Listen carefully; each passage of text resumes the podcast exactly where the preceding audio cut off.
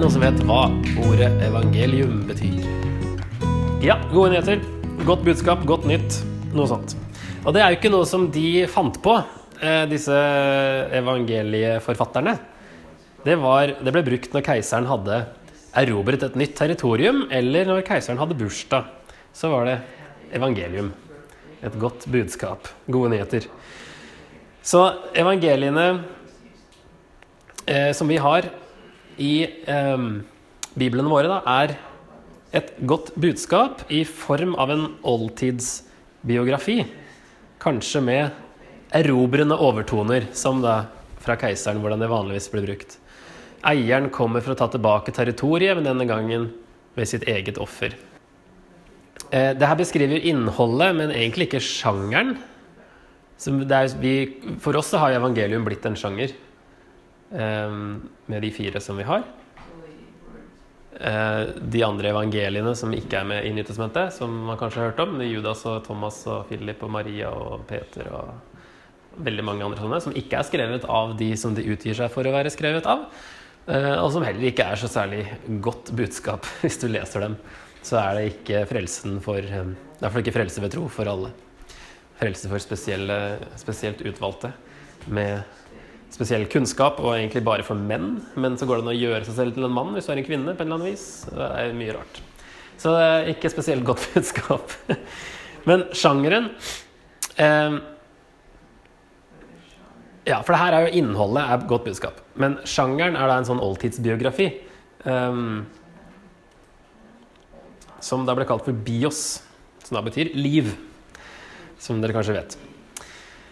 Um, og der, i sånne I den sjangeren, da, så var det viktige hendelser i personens liv som ble tatt med, ikke hele livshistorien. Eh, det ble alltid inkludert hvordan personen døde, fordi dette kastet lys over andre ting. Det var valgfritt å ta med barndomshistorier, så det ser vi jo at det gjør jo verken Markus eller Johannes, og det er bare bitte litt i Matteus og Lukas. For det er ikke det viktigste med Jesus. Poenget med en sånn bios, det var å lære, bli imponert og etterligne. Og det som er unikt da, med Jesus, er at han kom for å dø. Og det å dø var en del av oppdraget hans. Hvorfor gjør han sin død så viktig, og hvordan kan da leseren etterligne dette? Hvis poenget var å lære, bli imponert og etterligne. Og at hvordan personen døde, kastet lys over andre ting, det er veldig sant om Jesus. i hvert fall. Det forklarer så mye, og det ser du i Johannes evangeliet, der de, eh, Johannes har sånne småforklaringer eh, der disiplene ikke skjønner det når Jesus sier det, men de skjønner det etter han har stått opp. Så husker de hva Jesus sa, og da skjønner de det. Så ting blir liksom klart etter eh, Jesus har stått opp igjen. F.eks. i 2.22 i Johannes han snakker om at han skal reise opp eh, tempelet på tre dager. Men det tempelet han talte om, var hans egen kropp.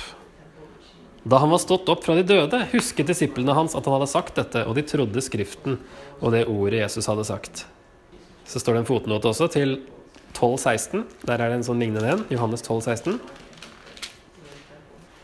Eh, når Jesus da finner seg et esel og satte seg opp på det, og i Jerusalem, da, på vei inn i Jerusalem, så står det dette skjønte ikke disiplene med det samme. Men da Jesus var blitt herliggjort, husket de at dette sto skrevet om han. Det er jo sitert her fra Zakaria. Og at folket hadde hilst ham slik.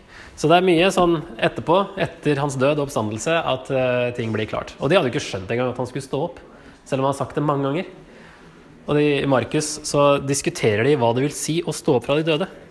Når Jesus sier at uh, etter denne forklarelsens berg, si, der er oppe på fjellet med Moses og Elia og sånt, så står det på vei, altså Markus 9,9 På veien ned fra fjellet påla han dem at de ikke skulle fortelle noen hva de hadde sett, før menneskesønnen var stått opp fra de døde. De tok til seg dette ordet, og de, de diskuterte seg imellom hva det er å stå opp fra de døde.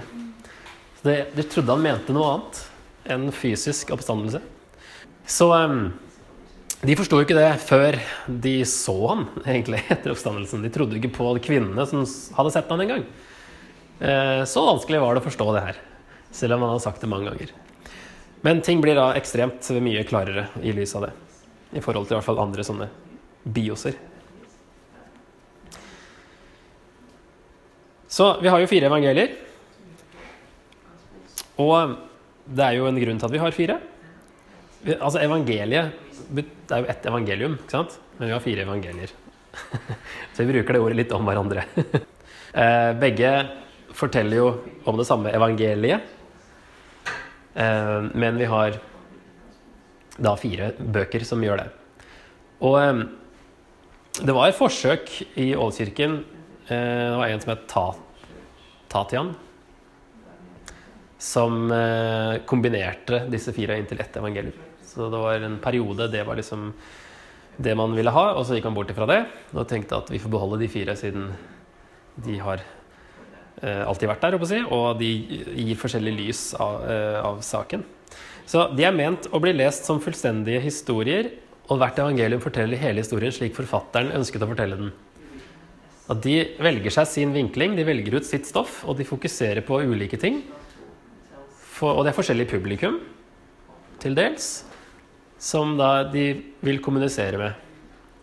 Så har, du har på en måte hele historien i hvert evangelium, men så har du også at de utfyller hverandre eh, på ting som man skulle ikke forvente hvis det var bare oppspinn. Eksempel eh, Det er vel her i denne her, når de går ned fra går ned fra fjellet, så er det et annet evangelium at det står at de ikke sa noe. At de sa ikke noen ting til noen om det de hadde sett. Men der står ikke den lille som vi leste her, at Jesus påla dem at de ikke skulle fortelle noen hva de hadde sett. Det står ikke i Matteus eller Lukas, men det står at de ikke gjorde det. Mens her står det vel ikke at de ikke gjorde det. Altså De utfører hverandre med de forskjellige detaljene i historien. Og at hvis du da ser se de sammen av og til, så ser du hele bildet. Og Det tyder på at det er en sann historie de refererer til, men de tar ikke med alle detaljer alltid. Så for å få liksom det fullstendige bildet, så kan det lønne seg å sammenligne litt. Men det kan også bli litt komplisert, fordi de eh, bruker forskjellige ord. Og det var lov å endre på sitater for å kommunisere bedre. Taler ble nesten alltid gjengitt eh, med forfatterens egne ord. Veldig sjelden at det var ordrette taler man skrev ned. Så det var helt lovlig å liksom endre litt på det for å, at det skulle kommunisere bedre. Så de valgte ut og strukturerte materialet til å passe med sin hensikt til å skrive. Og som sagt at de følte seg fri til å tilpasse materialet. F.eks. står det jo at eh, når Jesus blir døpt, så står det i et evangelium at Gud sier 'Dette er min sønn', og et annet så står det 'Du er min sønn'. Og Det er ikke noe sånn vanskeligheter, det. At det er bare helt sånn Det er ikke sånn at den ene tar feil, og den andre har rett. Eh, men at eh, Nå vet ikke jeg akkurat bakgrunnen for å si dette eller du i det ene eller andre evangeliet. Men eh, det er sånne smådetaljer. Jeg har noen eksempler etterpå. Som, som viser også litt at de forandrer det, uten å føle at det var noe problem. Som sagt vanlig å gjengi f.eks. taler med egne ord. Summerte de også ofte opp taler også. Når det står at Paulus, når han etter å ha blitt omvendt, når han eh, evangeliserer, forkynner, så står det at han sa Han er Messias. Og det er mest sannsynlig en oppsummering av det Paulus sa. Det var vel ikke det eneste han gikk rundt og sa. Han er Messias. Men det var hans, eh, eller Lukas sin eh, oppsummering av det Paulus forkynte. Så de fire evangeliene for eksempel, da, ulikheter. Ble sennepsfrø plantet i en åker, som i Matteus, eller i en hage, som i Lukas? For det første så har sikkert Jesus fortalt mange lignelser flere ganger i forskjellig kontekst, så det er mulig at han brukte forskjellige bilder uten at det skal bli noe problem at det er to forskjellige sånne. Her er det nok mest sannsynlig Matteus har åker, kanskje det var den opprinnelige. Eh, for det kommuniserte best med israelittene, som var mye sånn Det var mye jordbruk. Uh, mens Lukas, som kanskje skriver til folk i byer som hadde hager, bare gjøre med en liten detalj for at det skal liksom bli et mer kjent bilde da, enn uh, folk som har åkre. Det er ikke noe krise man har brukt åker, men det er ikke noe krise man gjør om det heller. Det er jo sånn man må av og til gjøre med en, en vits også. Hvis du skal fortelle en vits videre, så må du kanskje av og til endre litt for at poenget skal faktisk komme fram. Så det er poenget som er viktigst. Det er ikke, det er ikke noe problem at det er åker og hage. Poenget er jo det samme. Eh, og i um, slutten av det som da på en måte er bergprekenen i Lukas, som da kalles for sletteprekenen fordi det skjer på en slette, um, så avslutter Jesus med å si at den kloke personen ligner et menneske som skulle bygge et hus, og som gravde dypt og la grunnmuren på fjell. Da flommen kom, brøt elven mot huset, men kunne ikke rokke det, for det var godt bygd. I Matteus står det at en klok mann som bygde huset sitt på fjell. Regnet styrtet, elvene flommet, og vindene blåste og slo mot huset. Men det falt ikke, for det var bygd på fjell. Her er det litt forskjell på hvordan de bygger hus. Eh, det kan være at man eh, lagde mer grunnmur andre steder. Gravde dypt, la grunnmuren. Eller så har Matheus bare hoppa over det og skrev 'bygde hus på fjell'. Og ikke giddet å ta med alle detaljer. Um, og her flommen kom Det står vel egentlig bare ikke bestemt for, men altså da en flom kom. Her. Virker ikke som det er sånn veldig regelmessig, mens her elvene flommet. Det passer jo egentlig godt med at i Israel så flommer det sånne elver hvert år. Og det er en helt vanlig ting at det skjer. Mens kanskje ikke fordi Lukas skriver mot at det var vanlig at, flommen, at det kom flommer hele tida. Så litt sånne nyanser etter hvem de skriver til. Som de da endrer på med god samvittighet. Og så har vi to historiske kontekster, altså sammenhenger, i evangeliene. Når vi har et brev, så, så er det bare leserne vi trenger å bry oss om. De som Paulus skrev til, f.eks.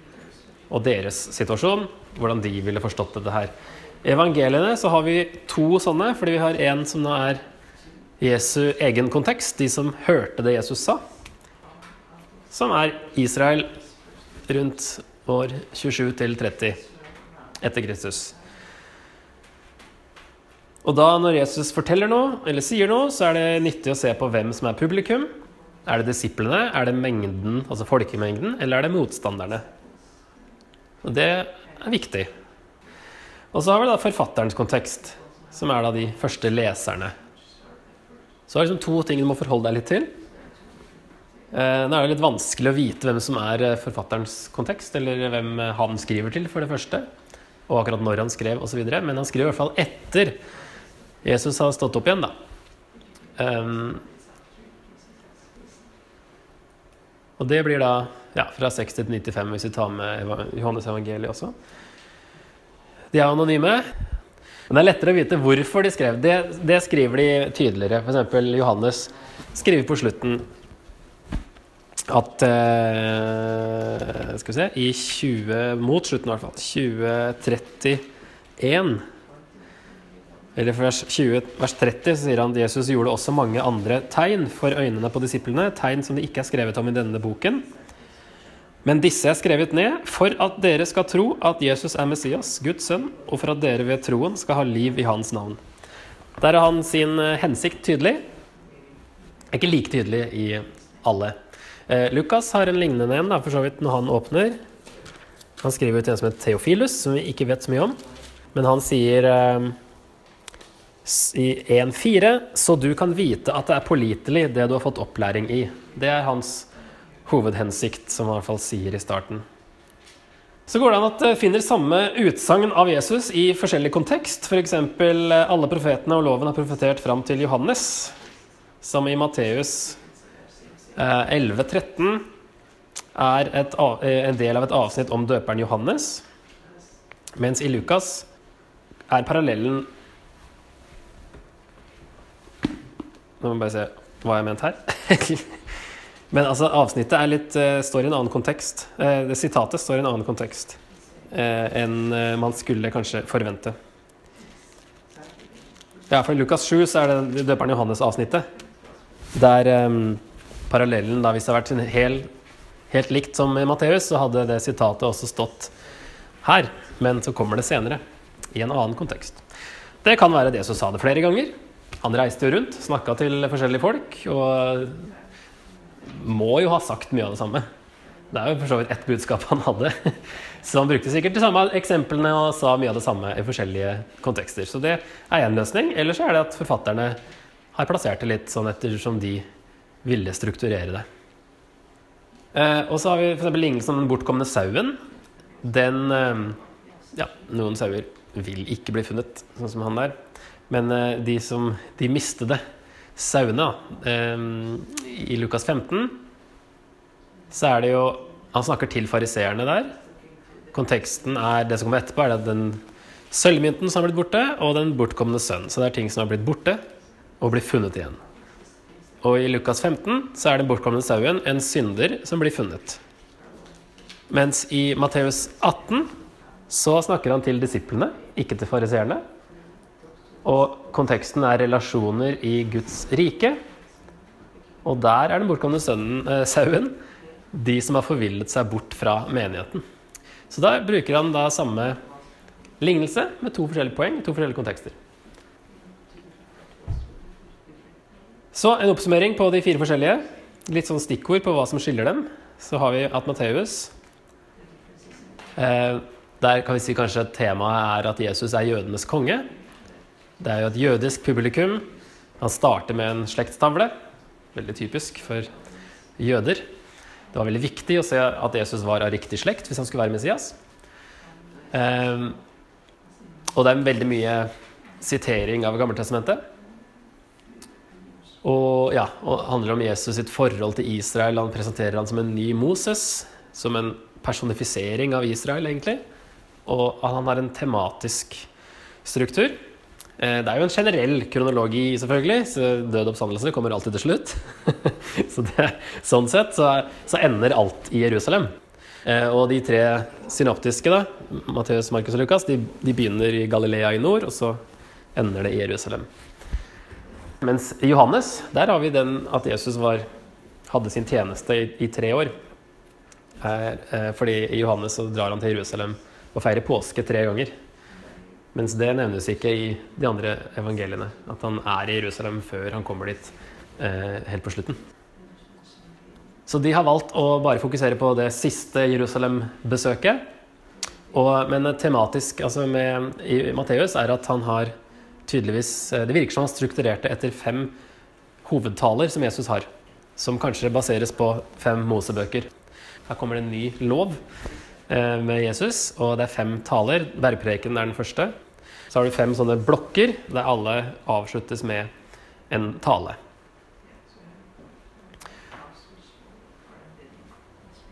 Eh, Markus, der fokuseres det på at Jesus er den lidende tjener fra Jesaja 53. Det er mer action, um, fordi det er mye kortere. Det tar bare en times tid å lese. Faktisk en, del, en hel del kortere enn de andre. Ordet 'straks' brukes veldig ofte. Ting skjer straks hele veien. Og det skjer faktisk så fort at Jesus er inne i en synagoge. Han helbreder Jeg tror det er han som har den visne hånda. Eller han gjør i hvert fall en helbredelse inne i synagogen. Straks spretter ryktet seg til hele området, og så går Jesus ut av synagogen. Så det skjer ekstremt fort. Så det er litt sånn Det er ikke alltid kanskje like bokstavelig ment, denne straksen. Men det er sånn det skjer ting hele tida. Og det er mer følelser. Det er bare to taler, men det er 20 mirakler, så da blir det jo mer action. Og som sagt, korteste evangelium. Et hedensk publikum da, som regel knytta til Roma.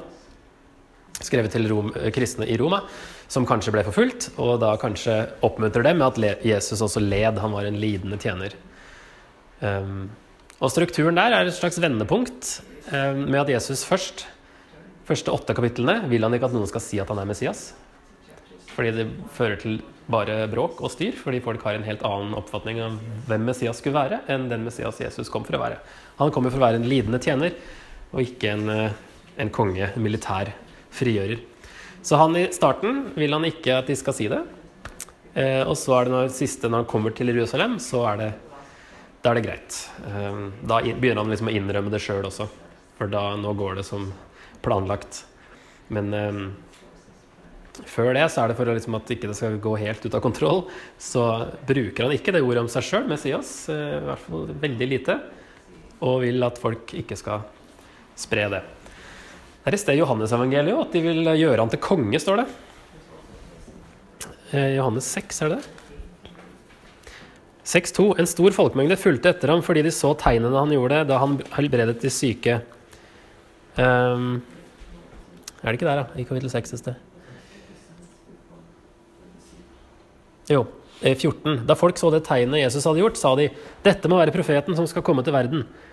Jesus forsto at de ville komme og tvinge ham med seg for å gjøre ham til konge. Derfor trakk han seg bort igjen og gikk opp i fjellene, han alene. Da stakk han av når han skjønte at nå, kommer, nå har de misforstått helt og skal gjøre meg til en sånn konge som jeg ikke skal være. Det er det beste å fordufte. Lukas han fokuserer på at Jesus er for tapere, eller han, Jesus er for alle. Um, alle de utstøtte i samfunnet er liksom det Lukas uh, uh, fokuserer mer på enn de andre. Det er det lengste evangeliet. Og når Lukas også skrev Apostelens gjerninger, som er også veldig lang bok, så har faktisk Lukas skrevet mer enn Paulus i Nytestamentet. Han har skrevet mest i Nytestamentet. Han skriver til hedens publikum. altså Theofilus er jo den han liksom dedikerer det til. Men han skriver jo med flere i tankene. Men da eh, Du ser at han eh, Ja, han er ikke så jødisk da, som Matteus, f.eks. Og Markus oversetter jødiske uttrykk for at leserne skal forstå det. Sånn rabbi og forklarer jødiske skikker og sånne ting. Flere lignelser i Lukas. Um, lignelser der som ikke finnes noe annet sted.